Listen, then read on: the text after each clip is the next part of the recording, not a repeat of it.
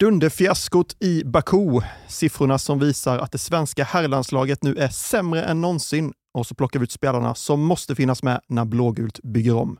Du lyssnar på Expressen Fotboll fredagen den 17 november med mig Linus Pettersson och Therese Strömberg.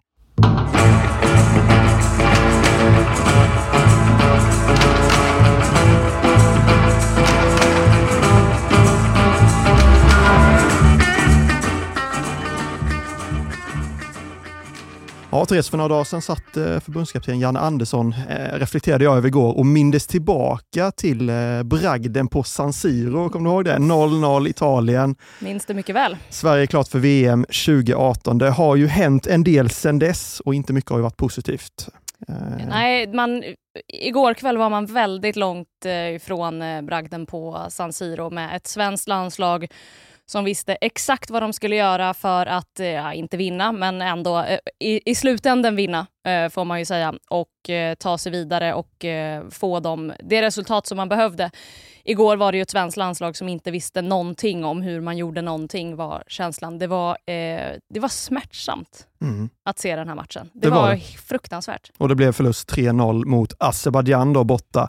Azerbajdzjan som alltså är rankat 120 i världen och ett motstånd då som Simon Tern, då, IFK Värnamo mittfältaren, dundrade ut på sociala medier. Till och med IFK Värnamo hade slagit. Håller du med honom? ja, det är ju... Jag, jag hade velat se den matchen. Eh, mycket hellre än vad jag hade velat se om Azerbajdzjan-Sverige. Eh, Så att, eh, nej, kanske. Vi, vi får väl se. Det är klart att det är väldigt lätt eh, både för oss och för andra att sitta och eh, säga det ena och det andra om vem som hade kunnat klara av att vinna den här matchen. Och det är klart att i grund och botten ska ju ett svenskt landslag åka och åtminstone göra en bra match borta mot Azerbajdzjan. Och det är klart att man ska vinna den här matchen och framförallt ska det se ut på ett helt annat sätt. Men det var, det var som att eh, allt det här som hade pratats om i veckan om att eh, det är en ära att bära den svenska landslagströjan och det gör man med stolthet. och det spelar ingen roll om matchen betyder någonting eller inte för att rent sportsligt, för att den betyder mycket för spelarna och det är väldigt viktigt att prestera. Ingenting av det där såg man ju någonting av och, och i efterkant så är det ju också många av spelarna, vi var ju inte på plats eh, nere i, i Baku, men läser man Fotbollskanalen och, och eh, Sportbladet så ser man ju att många av spelarna säger ju det, att det var som att de inte var påkopplade och när man eh, ibland i, i, matcher så, så jag tror att det var Viktor Claesson som var inne på, så ser man eh, rent motivationsmässigt, det laget som vinner flest dueller, som går in eh, tuffast i dem och som vinner andra bollarna, det är det laget som, som är mest taggat och, och i en relativt jämn match så skulle det kunna eh, då påverka utfallet. Och eh, det var ju rätt så tydligt att det inte var Sverige som var det mest motiverade laget. Och vilket man i grunden kan köpa med tanke på att EM-drömmen är krossad, det ska mm. komma in en ny förbundskapten, två ganska meningslösa matcher i slutet. Men alltså alla frågor de senaste nästan två samlingarna har ju handlat just om det här, både till Janne och till spelarna. Hur motiverar mm. ni varandra till de här två matcherna? Och de har ju varit övertygade om att ja, men det räcker att ta på sig den svenska landslagströjan, så ska det vara motivation. Och det visar sig absolut inte stämma. Nej, det stämde verkligen inte. Och, och sen så det är ju båda de här två tidiga misstagen som gör att det blir mål. Både Victor Lindelöf när han eh, ska ja, försöka göra bort sin, sin eh, motspelare där eh, strax framför eget straffområde och när Filip Helander ska försöka ställa, eh, ställa offside. Så det är ju väldigt, väldigt tydligt i de situationerna också att så här beter sig ju inte de svenska landslagsbackarna i vanliga fall mot den här typen av av motstånd. Det är inte så här slappt och det är inte så här dåligt. Men eh, det var verkligen redan från start att man... Och jag kände även när Azerbajdzjan får den utvisad, det ska man komma ihåg, Sverige får spela över en halvtimme av den här matchen med en man mer och det är ändå Azerbajdzjan som, som vinner med 1-0 under den halvtimmen. Eh, även när, när de får en utvisad och, och när Sverige ändå har något slags tryck under en liten stund mot eh, mot Azerbajdzjans mål så, så är ju känslan att det, det, finns inte en chans i världen att de gör ett mål. Det finns verkligen ingen chans i världen att de vinner det här. Nej, och vi, vi hade lite kontakt under matchen där och jag vet att jag minns att jag skrev till dig när de bytte in Emil Kraft och Viktor Claesson och skulle börja forcera och liksom, då var jag ju nära att ge upp det här. Alltså det, det känns ju helt hopplöst. Alltså det, var inte, det fanns inte någon forcering, det fanns ingen vilja till någonting att ens försöka komma tillbaka in i den här matchen. Nej, och jag, jag, kan förstå Jannes grundinställning in i den här samlingen, att han inte väljer att eh, plocka med eh, en massa nya unga spelare och att han inte väljer att liksom, göra någon total rokad i truppen och ställa ut eh, helt eh, eh, ja, men helt nykomponerade startelver bara för att det ska vara kul och för att det är det som svenska folket vill ha i det här läget när svenska landslaget har presterat som de har gjort det här året. Det kan jag förstå, men i halvtid på den här matchen, att man inte gör ett antal skarpa byten, att man inte testar lite. Att man inte, det kunde ju inte bli sämre nej, nej, än vad det var inte. i första halvlek. Eh, det tycker jag är, är svagt. Och det är ju som du säger, att det är Viktor Kraft, Viktor Kraft. Emil Kraft, Viktor Claesson och Robin Quaison som får komma in i den andra halvleken. Det var ju, jag förstår om folk stängde av mm. och bara valde att göra någonting annat mm. eh, med sitt liv. Kolla på en serie, ta en promenad, en kall dusch, vad som helst. Eh, för att, eh, nej, det, det var otroligt oinspirerat på alla håll och kanter. Och jag vet att en sak som vi tyckte lite olika om i, när vi höll på med den här diskussionen, du och jag, under matchen, det är att jag skrev till dig att jag, jag tycker nästan synd om Janne nu. Där höll du inte med mig. Nej, jag tycker han har lagt upp det här för sig själv. Alltså. Jag, jag kan inte tycka synd Jag tycker han har förstört. Jag, jag håller helt med dig i att man liksom inte ska plocka med massa nya spelare och göra massa stora rockader. Men jag tycker samtidigt att han, att han liksom börjar förstöra mycket av sitt arv eh, på något mm. sätt. Eh, jag tyckte att de var inne på en ganska intressant grej, Fredrik Ljungberg, tror jag det var i vi har, vi har satt studion, att man man i alla fall kan liksom balansera startelvan eller liksom blanda upp den med lite spelare mm. som ändå har någonting att spela för. Men kasta in en Hugo Larsson som vet att han har hela sin landslagsframtid framför sig och han måste leverera en sån här match och stärka sina aktier. Nu kändes det som att man bara ställde ut lite samma gamla trötta spelare, bytte in samma gamla trötta spelare. Och det är lite det jag menar, att jag tycker att Janne förstör lite för sig själv, att han ändå inte lämnar på ett annat sätt. Inte att han ska ta in Rooney Budgie och låta honom spela 90 minuter, det är inte det jag menar.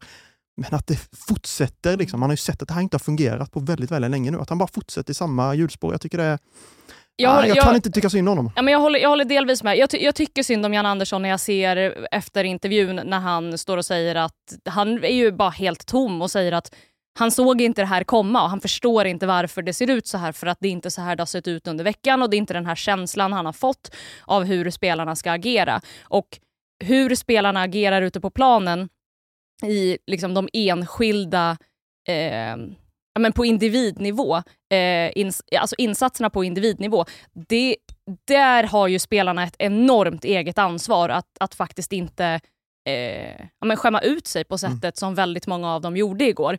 Eh, och, och, så att där tycker jag att de har ett eget ansvar. Sen förstår jag vad du och andra menar om att man hade kunnat ja, men kasta in eh, lite ja, men unga fräscha spelare och, och, testa lite grann.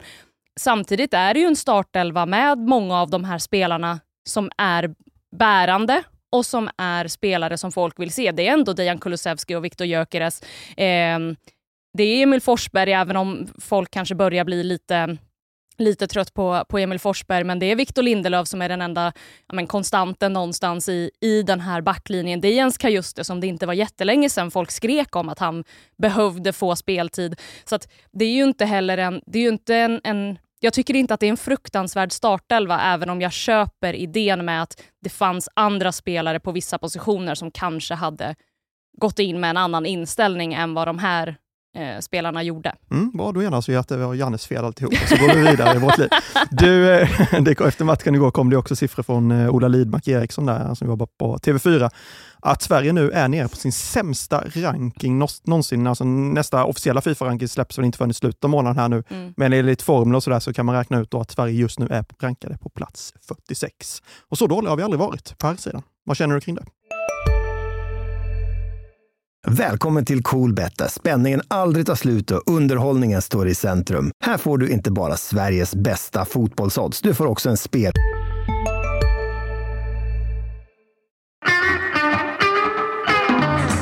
Ja, men det är ju... Eh, det är svårt att jag, jag, tycker att den här rankingen är, den är svår att dra liksom, skarpa slutsatser från när två lag ska ställas mot varandra och den ena är rankad etta och den andra är rankad tia och, och, och sådär. Men däremot så säger den ju någonting om hur en fotbollsnation mår. Och den säger väldigt mycket om hur en fotbollsnation som Sverige mår såklart. Om det är så att man från 23 plats landar på en 46 plats efter ett ett EM-kval där man ändå möter nationer som Estland och Azerbajdzjan. Eh, absolut att eh, Belgien och Österrike är svårare än så, men det ska inte vara så stor skillnad som, som det har varit mellan framförallt kanske Sverige och Österrike. Så att nej, det är, eh, det, det är eh, under all eh, kritik såklart. Eh, sen återstår det väl att se hur, hur den här rankingen landar. Det kan ju också vara att man, att man kliver in med en helt annan energi på Friends Arena och vinner med 7-0 mot Estland. Det har vi ju inte sett än, men, men det är klart att det säger ju väldigt mycket om hur, vilken liksom, vilken brant nedförsbacke det har varit för svensk herrlags eh, herrlandslagsfotboll senaste, ja, men, säg två åren i alla mm. fall. Och att göra nedförsbacken ännu brantare och mörkret ännu mörkare så hade du för några dagar sedan listat alla länder som inte är kvalificerade för EM. Och eh, det är ju inget, är inget fint sällskap som Sverige är i just nu och med tanke på att vi har trillat ner i Nations League till C-divisionen där också, där det också väntar så kallade blåbärsnationer, så, så är det också tecken på att det här, det här det är inte mycket som är positivt just nu. Nej, och det, ja, mejlkorgen har ju sett ut lite så sen i, igår kväll när man eh, skrev en och annan artikel efter den här matchen. Eh, det är väldigt många som, som menar på att Sverige är inte bättre än så här och nu måste folk sluta tro det. Att, och menar på att det är Liechtenstein och Bulgarien och Andorra, Malta, Cypern alltså. som är liksom nivån. Och det, jag förstår att folk känner så och jag förstår att, det, att man bara typ ja, men att man bara ger upp. Istället för att sitta och tänka att vad kul det ska bli med match mot Österrike så, så, så sitter man och, och tänker ja vi får bara hoppas att vi vinner mot Färöarna. Eh, jag förstår att man landar där, men jag står ändå fast vid att det är absolut inte där ett svenskt landslag ska vara. Det är, eh, det är för dåligt på alla sätt och vis. Vi har mycket bättre spelare än så. Eh, även om det finns många parametrar att visa på att eh, svensk landslagsfotboll eh, på herrsidan har det jobbigt och att spelarna får svagt med speltid ute i sina klubbar i Europa och, och allt det här. Alltså, vi har mycket bättre spelare än att vi ska liksom, torska med 3-0 mot ett gäng som spelar i liksom, inhemska aseriska ligan. Mm. Det går inte. Nej. Innan vi rundar av nutiden då, så är det ju Estland som du sa som gäller på söndag i Jan Anderssons allra sista landskamp på Friends Arena. Det lär väl inte vara någon biljettrusning inför den matchen nu och det känns väl som att snarare att de som eventuellt har köpt biljetter kanske funderar på att reklamera dem efter ja, Det hade jag insats. gjort ska jag säga. Hade, hade, jag, hade jag köpt biljett till den här matchen mot Estland, det, då hade jag, den hade jag krävt att få reklamera och hade absolut inte gått på den här matchen. Men det, vi kan ju hoppas också, att folk ändå gör det. Ja, men det är också svårt, då, för det enda man kan tänka nu då, det är ju stå och rabbla samma saker som vi har gjort i flera veckor nu. Att ah, okej, nu måste man motivera sig för att det är mm. sista landskampen och man vill avsluta snyggt för Men det har vi ju redan insett att så, det gör de inte. Liksom. Någon... Kan de ändå göra det nu, tror du? Inför jag tror att det, det, som finns i det här, det är att spelare, de spelarna som spelade igår och som stod för den här insatsen, den insatserna för dem höjdes någonstans ännu mer när det är deras egen på något sätt eh, alltså ära och heder som, som står på spel. Att det är det, det, skulle vara om, om, det skulle vara det som de kan tagga igång sig med. Jag tror inte att de här, det är en ära att spela för Sverige och vi måste ge ett bra avslut till Jan Andersson. De här sakerna som de har rabblat hela veckan, det funkar inte. utan nu måste, Jag tror varje spelare måste se sig själv i spegeln, gå in i sig själv och, och känna att för min egen skull, om inte annat, så måste jag göra någonting annat än det jag gjorde i torsdags. Hej, Ulf Kristersson här. På många sätt är det en mörk tid vi lever i. Men nu tar vi ett stort steg för att göra Sverige till en tryggare och säkrare plats. Sverige är nu medlem i Nato. En för alla, alla för en. Vi är specialister på det vi gör, precis som du. Därför försäkrar vi på Swedea bara småföretag, som ditt. För oss är små företag alltid större än stora och vår företagsförsäkring anpassar sig helt efter firmans förutsättningar. Gå in på swedea.se företag och jämför själv.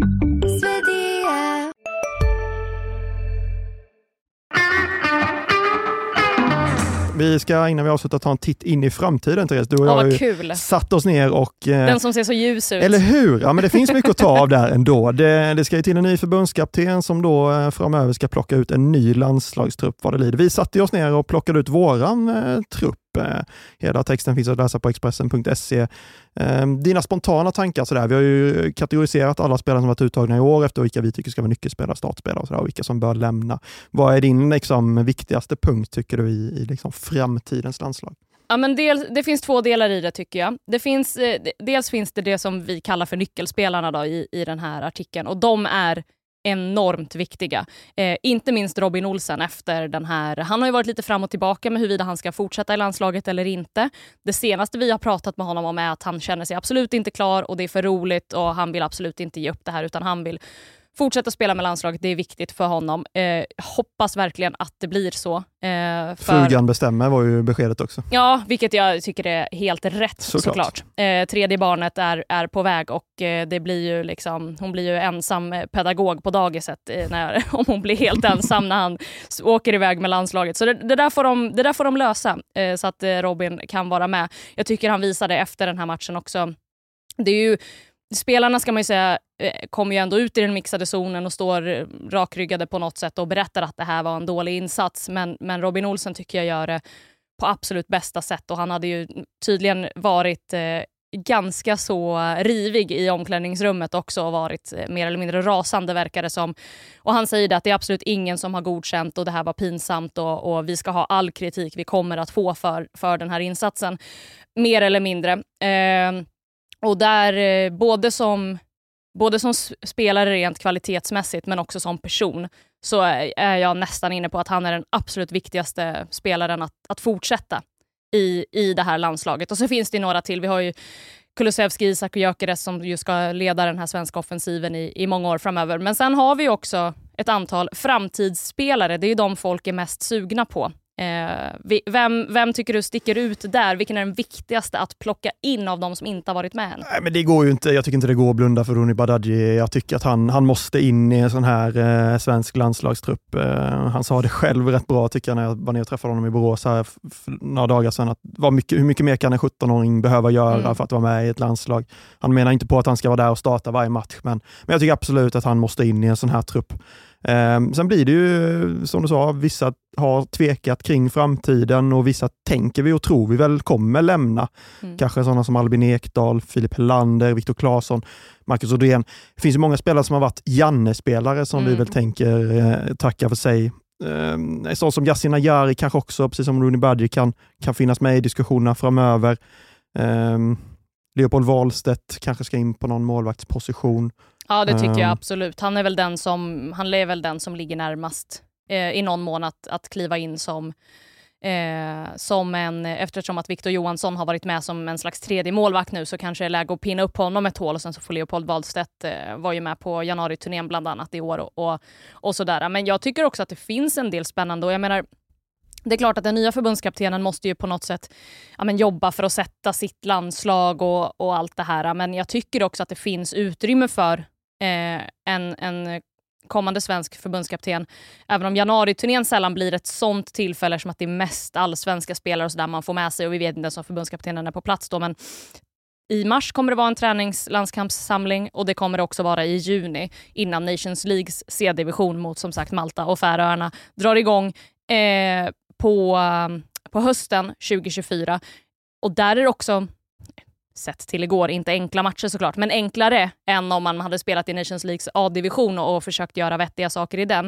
Eh, man kommer ha ganska mycket tid på sig att, att testa och känna in och lära känna eh, en, en, större, en större grupp av nya generationens landslagsspelare. Så jag tycker att såna här spelare som Joe Mendes och Noah Persson och de här, de borde inte ligga allt för långt bort att vara med i, i de här eh, samlingarna under våren i alla fall. Nej, precis som du säger, de nuvarande truppspelarna har inte direkt imponerat heller, Nej, det får de som har fått chansen de senaste gångerna.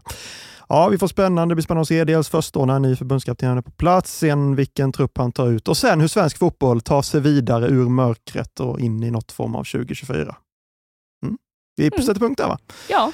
Vi, vi, ska också eh, försöka ta oss ur mörkret. Ja, vi ska göra det. Det är som sagt Estland på söndag. Då är vi såklart på plats. Och ett nytt avsnitt av Expressen Fotboll kommer i början av nästa vecka.